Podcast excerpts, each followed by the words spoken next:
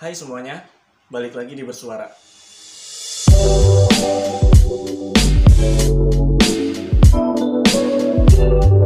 Apa kabar kalian semua? Semoga baik-baik aja ya. Buat kalian yang belum kenal sama gue, kenalin nama gue Jisal Fikri. Gue bukan orang yang mempunyai latar pendidikan yang tinggi, tapi gue mempunyai keinginan yang besar untuk sharing hal-hal yang berkaitan dengan edukasi, terutama dalam hal pengembangan diri dan psikologi. Gue akan upload video dua hari sekali, jadi pastikan kalau kalian udah subscribe channel gue ya, supaya nggak ketinggalan video terbaru dari gue.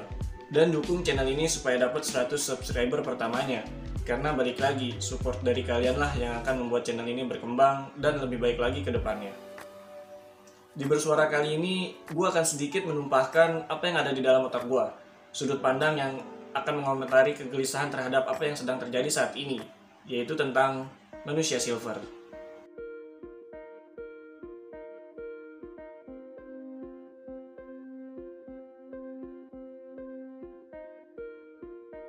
Tapi perlu gue tekankan sebelumnya, kegelisahan yang gue alami ini bukan mengacu pada keberadaan si sosok manusia silver ini, tapi kepada apa yang menjadi penyebab sehingga mereka bisa hadir di tengah-tengah kita. Dan gue rasa semakin hari semakin merajalela. Tentunya yang gue maksud ini bukanlah manusia patung seperti yang ada di kota tua Jakarta, melainkan manusia-manusia silver yang selalu hadir di jalanan, baik itu di lampu merah maupun di pinggir jalan. Kenapa menurut gue manusia patung seperti yang ada di tempat wisata atau hiburan itu berbeda dengan manusia-manusia silver yang ada di jalanan? Jadi gue pernah nonton sekilas cuplikan nih, tapi gue lupa kalau gue nontonnya di mana. Yang jelas dalam video tersebut tuh berisi tentang wawancara bersama salah seorang yang berprofesi sebagai manusia patung di Kota Tua Jakarta.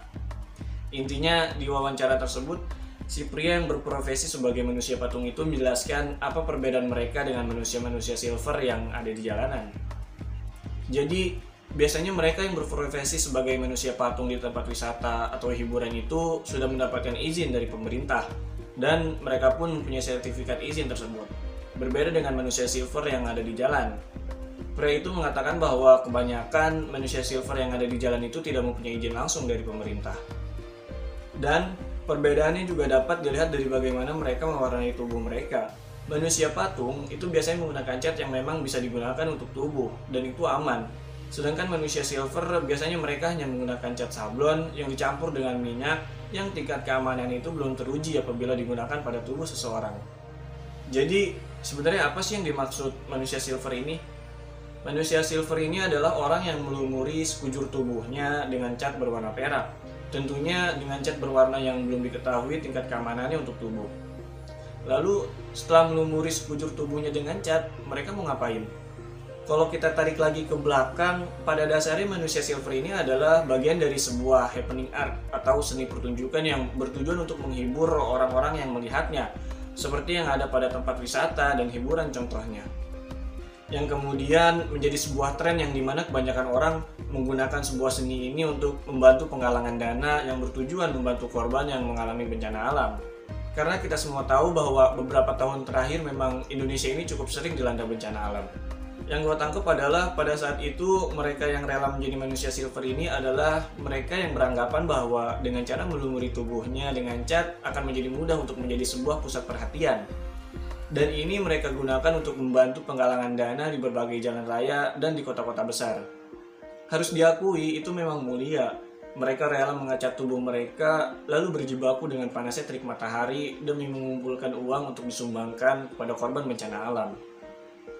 Namun, sangat disayangkan, seiring berjalannya waktu, kini aksi manusia silver itu terbilang keluar dari tujuan. Alih-alih mengumpulkan dana untuk korban bencana, tapi mereka malah mengumpulkan dana untuk memenuhi segala kebutuhan hidup. Kini manusia silver seakan-akan sudah menjadi profesi baru yang digunakan sebagai mata pencaharian untuk memenuhi kebutuhan hidup sehari-hari untuk keluarga dan anak istri. Apalagi di era pandemi seperti saat ini, manusia silver sudah seperti bentuk rasa pasrah karena sudah tidak tahu harus bagaimana lagi untuk mengais rezeki.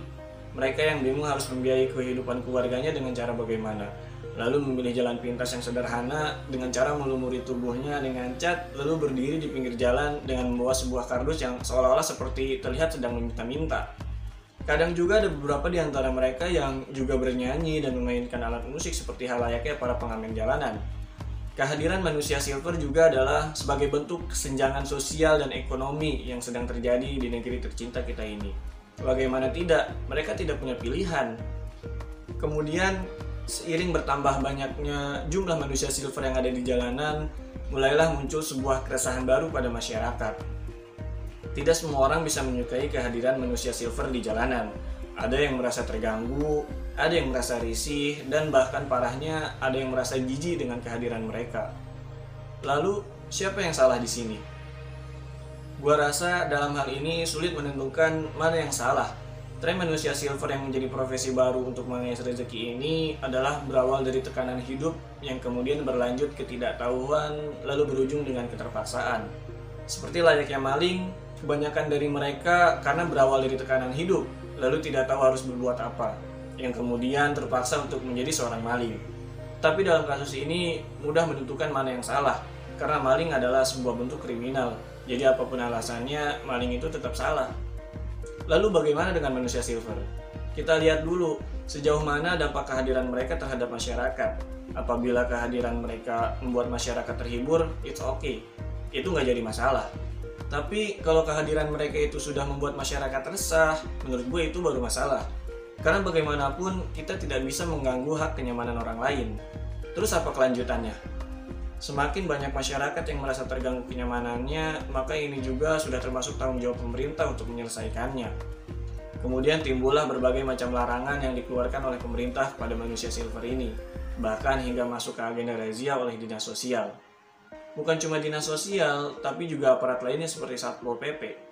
Mereka gencar mencari para manusia silver ini untuk dibawa ke dinas sosial.